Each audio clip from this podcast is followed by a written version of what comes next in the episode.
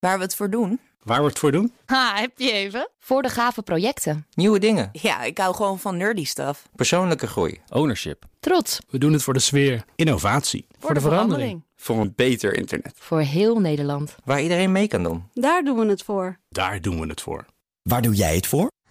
Kom werken voor KPN en groei op jouw manier. Check de actuele vacatures op het gebied van data, security, development en networking op jobs.kpn.com/tech.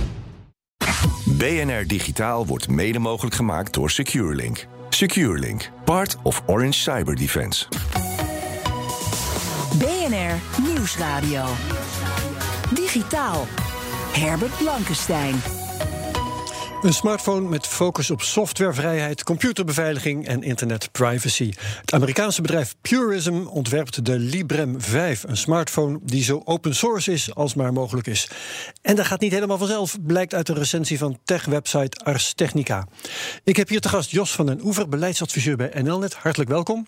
Hallo. En Jasper Bakker, ICT-journalist bij AG Connect. Hoi. Hoi. Jos, jij zit thuis te wachten op zo'n Librem 5 van Purism. Wat weet je van het bedrijf? Ik weet dat het bedrijf al een poos bestaat en begonnen is met het maken van laptops die zo open source mogelijk zijn.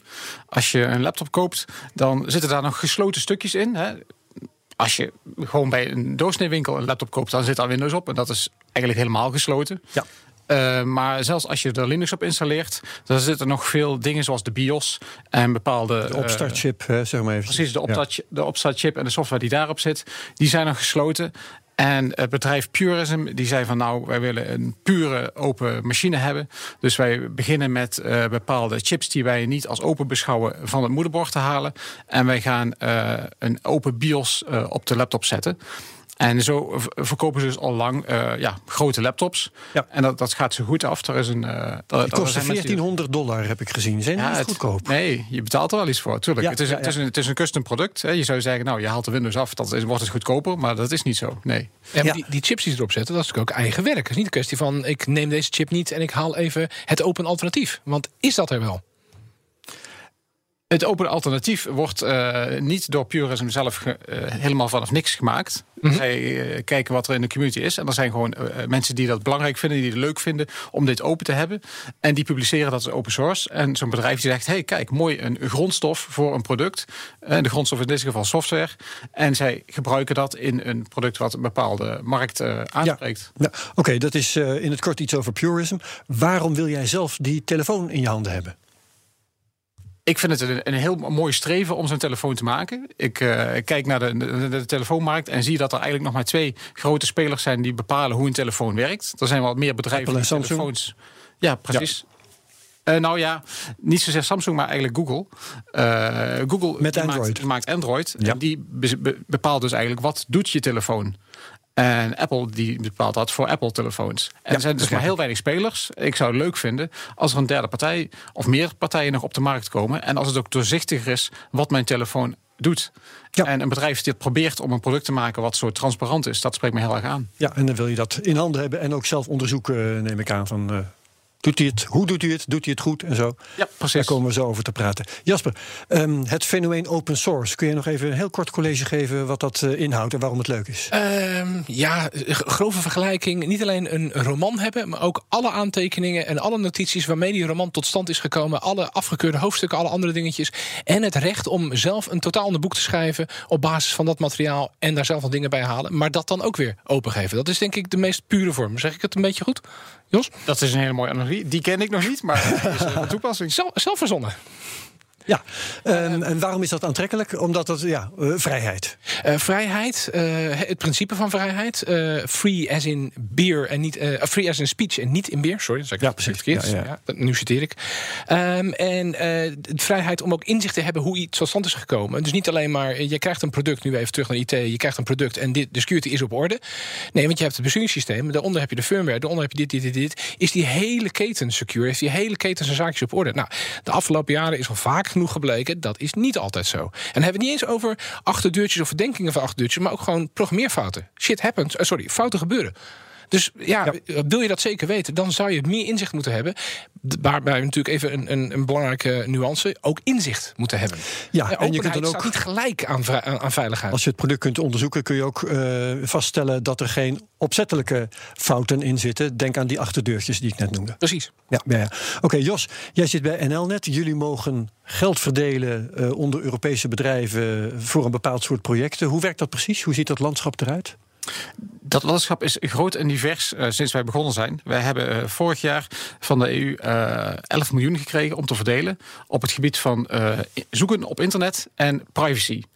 En die twee onderwerpen, daar hebben wij ons netwerk voor aangesproken. We hebben daar een, een call uitgedaan en gezegd van nou, mensen die iets willen doen hierop en die zeggen van ik wil er wel ook graag voor betaald worden om, om, om deze verbetering door te voeren, die kunnen bij ons een, een formulier invullen. Heel laagdrempelig allemaal.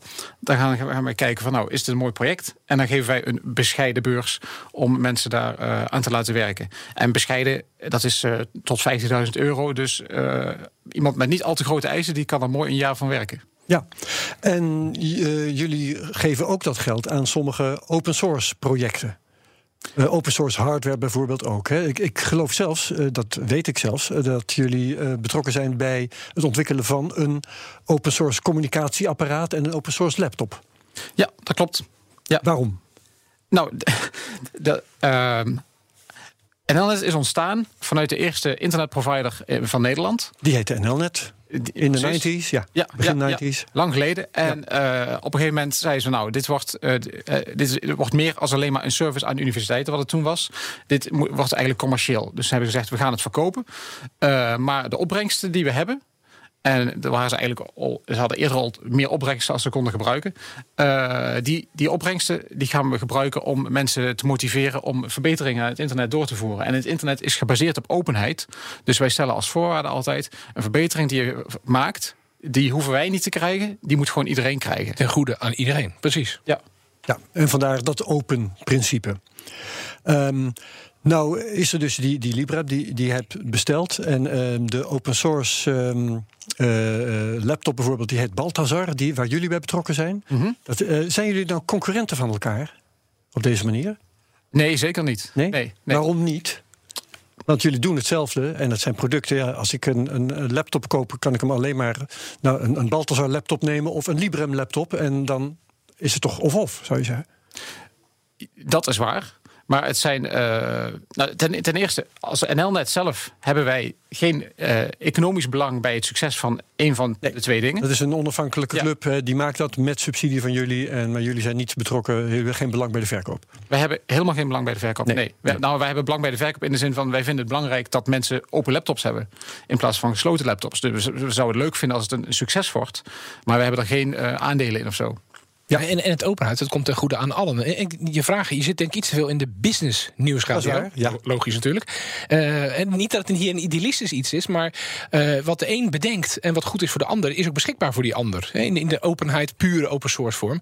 En daar, ja, klinkt een beetje socialistisch, maar daar worden we met z'n allen beter van. Um, maar is ook zakelijk wel zo. Hè? De huidige IT-industrie, uh, Intel-servers, datacenters, de nederige PC is ooit ontstaan omdat IBM wou reageren op de Apple II en de Commodore 64 en dat soort micro computers, geen serieus speel, speelgoed. Maar we willen binnen een jaar een eigen personal computer op de markt brengen. Ja, binnen een jaar een eigen PC, dat was toen de tijd. Ja, dus pak maar wat standaardcomponenten en dat knopen ze aan elkaar, simpel gezegd, met het eigen BIOS. Dat BIOS is vervolgens door Compaq, weet u nog, nog, nog, gereverse engineered. Precies. ja. En zo is de hele PC-kloonmarkt ontstaan. Zo is de hele ja. PC-markt ontstaan. En ik zou zelf willen argumenteren, zo is de huidige, een groot deel van de huidige IT-industrie, dus niet Unix-servers, niet mainframes, maar wat daarna is gekomen, is daaruit voortgekomen. Ook uit een vorm van openheid. Niet openheid zo puur als we het nu over hebben met, met Librem. Uh, maar wel standaardisatie en openheid. Dus ja. dat, dat heeft een hele industrie geschapen. Waar we het nu ook over hebben. En nu even kort uh, nog uh, open source hardware. Kijk, Linux en zo is al een verhaal dat we heel lang horen. Firefox, open source browsers, ja. heel veel open source software. Is open source hardware iets nieuws? Eigenlijk niet. Uh, uh, IBM heeft zo'n power processor, waar de oude Power PC ooit in Apple Macs van afleider is, heeft hij ook open source gemaakt. Vanuit de gedachte, dan kunnen meer bedrijven er iets mee gaan doen. Dan krijg je een groter ecosysteem en dan gaat het, het getij omhoog, tilt alle boten mee. Herbert Blankenstein. Hebben het over open source hardware en met name dan de Librem 5 open source telefoons. Uh, die toestellen van de Librem 5 die zouden volgens Ars Technica zo open source zijn als op dit moment maar mogelijk is. Uh, Jos, kun jij me vertellen hoeveel procent van zo'n toestel nou inderdaad aan die open source principes voldoet of hoeveel procent nog niet? Ja, de, in procenten van gewicht, in procenten van onderdelen. Dat is natuurlijk een beetje procenten van waarde. Ja, ja, precies. Okay. Nou, ik denk dat, dat, er zijn een paar onderdelen die, die nog gesloten zijn. Uh, het belangrijkste component daarvan is eigenlijk de, de chip die, die, die met de antenne verbonden is en die alle communicatie doet. -hmm. Daar zit een, een, binary blob in. En dan is er nog een stukje uh, van het geheugen, wat het geheugen initialiseert. Dat is relatief klein, maar ook dat is gesloten. Ja. En Prism zegt van nou, wij willen dat dat gesloten gedeelte dat dat in ieder geval geen kwaad gaat doen op, uh, de, ding, op uh, de main uh, dingen. Want als op daar iets geheimzinnigs in zou zitten, dat het in elk geval niks kan. Ja, ja. Dus die, dat zijn aparte kaartjes die je in en los kunt klikken op, je, op je telefoon. Daarom is het ook een vrij dikke telefoon. Uh, dus je kunt hem openmaken. Je kunt gewoon, net als dat je in je computer je geheugen kunt verwisselen, kun je deze twee chipjes kun je eruit halen. En uh, vervangen door iets anders als je dat uh, onveilig vindt worden. Ja. Waar ligt het aan dat zulke onderdelen dan nog niet in open source vorm te krijgen zijn? Dat is een goede. Ik denk dat het voor de antenne ermee te maken heeft dat 3G, 4G, 5G standaarden steeds ingewikkelder worden. Uh, daar moet je zoveel kennis voor hebben om dat allemaal ja. te implementeren. Uh, dat, is, dat is nog uh, behoorlijk lastig. Ja. ook projecten die we bij NLNet sponsoren, willen we ook. zijn, er, zijn er ook projecten die, die mee willen doen in die 4G, 5G netwerken. Maar op dit moment is het al een hele uitdaging om het 4G mee te kunnen doen. Ja, en dat zie je natuurlijk veel dat producten die niet open source zijn ontwikkeld worden door kapitaalkrachtige bedrijven. Denk aan Windows bijvoorbeeld. Um, die kunnen daar sloten geld in pompen. Terwijl uh, als een club uh, het met open source wil doen, dan zijn ze afhankelijk nou, bijvoorbeeld van subsidies van jullie, hè, van NLNet.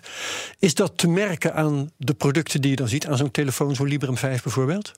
Dat het met ja. een veel lager budget is ontwikkeld? Ja, dat, dat, is, dat is heel, heel goed te merken. In die, in die review van Ars Technica stond ook dat uh, de, de, de, bijvoorbeeld nog stukjes uh, lijm uh, zichtbaar waren. en dat die soms nog warm werd. En dat die niet altijd even betrouwbaar op te laden is. En dat ja. heeft ook te maken met, het, met de hele open manier van werken die ze besloten hebben. Ze leveren al eigenlijk producten uit die nog niet helemaal goed genoeg zijn. Daar kun je voor kiezen. Als je hem bestelt, kun je zeggen: Nou, ik wil hem sneller hebben. Maar dan weet ik dat er nog van alles mis mee is. Maar vervolgens wordt er veel informatie door de fabrikant gegeven en ook door de community. Want er zijn veel vrijwilligers die ook gewoon meekijken en ook meehelpen om het te verbeteren. En die zeggen, oh, ik heb uh, even met een heatsensor gefilmd van hoe dit model en dat model uh, met elkaar vergelijken. En dan heb ik het dus over een levering met twee maanden verschil. En die zeggen dan van, nou, oké, okay, dit is uh, zo, zoveel beter geworden. Ik heb er zelf voor gekozen om een late levering te krijgen. Want ik ben dus meer, een iets meer volwassen product ja, krijgt. Ik vind het leuk om te sleutelen, maar dan ja. sleutelen met het toetsenbord, dus in de software. En dus de hardware mag voor mij al wat volwassener zijn. Jasper, als, je, als jij dit hoort, en het is vast niet allemaal nieuw voor jou, wil je er dan juist één hebben? Oh, leuk nieuw spul is nog in ontwikkeling enzovoort? Of denk je, ik heb liever een telefoon die werkt? Ja, mijn, mijn hardware kennis is matig, maar mijn hardware skills niet zo. Dus ik zou dan niet voor de pre-alpha gaan, maar voor de beta toch zo'n beetje. En wat later staan. Omdat ik toch ook een beetje, ik wil dingen ermee doen. Maar ik kan me voorstellen dat voor heel veel techneuten is wat het ding doet en, en hoe het ding dingen kan doen, als je me nog volgt, dat dat juist ja. fascinerend is. Hè? Dus, dus de hardware verbeteren en dat dan weer teruggeven, zodat inderdaad de beta 2, beta 3 een nog beter toestel wordt. Maar ik ben een aantal jaar geleden, maar dat heeft ook met tijdgebrek te maken, ben ik toch meer overstap van ik wil een computer gebruiken, en ook een smartphone, als tool om iets anders te bereiken. En niet het ding zelf als knutselobject. Maar er is denk ik een grote markt ook voor mensen die juist willen knutselen. En dan denk ik ook aan scholen en studenten. Die denken van nou, ik wil meekijken hoe zo'n ja, ontwikkelproces Het heeft een gaat. opleidingselement erin. Het heeft een zeer grote opleidingswaarde. Ja. Dan kun je ook kijken naar de Raspberry Pi. De Raspberry Pi is gewoon een klein uh, computerbordje. Wat je voor een paar tientjes kunt kopen. En je kunt helemaal snappen hoe het werkt. Er zitten pinnetjes op, je kunt er van alles op aansluiten. Maar het is gewoon een volledige computer. Je kunt er, uh, je kunt er brieven op typen, je kunt er mee mailen, je kunt er mee internetten. Maar je kunt er ook allemaal sensor, sensoren aan hangen. En als we dat nou kunnen doen in een formaat wat je in je broekzak kunt stoppen. Ja. Nou, dat zou hartstikke leuk zijn. Dat is eigenlijk waar de mensen van Libro mee bezig zijn. Ja, ja. Als je nu hoort wat Purism aan het doen is, dan. Um, ja, dan leer je een hoop over die supply chain. Hè. Ze proberen verschillende dingen gedaan te krijgen. En krijgen dan van de grote bedrijven in China, die alle telefoons eigenlijk maken, krijgen ze door, ja, nee, maar daar kunnen we helaas niet aan beginnen. Daar gaan we geen, we gaan niet jullie open source onderdelen in eh, een product stoppen dat wij maken. Ehm, ja, wat, eh, waarom willen die bedrijven dat niet doen eigenlijk? Dat is geen principiële kwestie van dat ze open source niet leuk vinden. Mhm. Eh, sterker nog, open source is heel erg aan het groeien. In een uitzondering hebben jullie een poosje geleden ook gesproken over ARM-processoren. Eh, eh, sorry, niet ARM, RISC, RISC 5 processoren. Dus dat, dat, dat Ja. chips met open modellen eh, gemaakt worden... en dat grote fabrikanten dat ook graag gebruiken. Dus dat eh, is fijn, maar er moet schaal zijn. Dat is het probleem hier. Dus ja, omdat ja, die ja. telefoons op zo'n kleine schaal ma- gemaakt worden, zeggen die fabrikanten: ja, sorry, maar voor eh, wat zijn het, 10.000 telefoons, eh, daar gaan wij niet een, een hele straat eh, reserveren. Ja, of, of de chip wordt per stuk zoveel 100 dollar. Waardoor het voor Librem of wie dan ook niet meer valide is. Want dan wordt het eindproduct nog meer 100 dollar, dollars of euro's.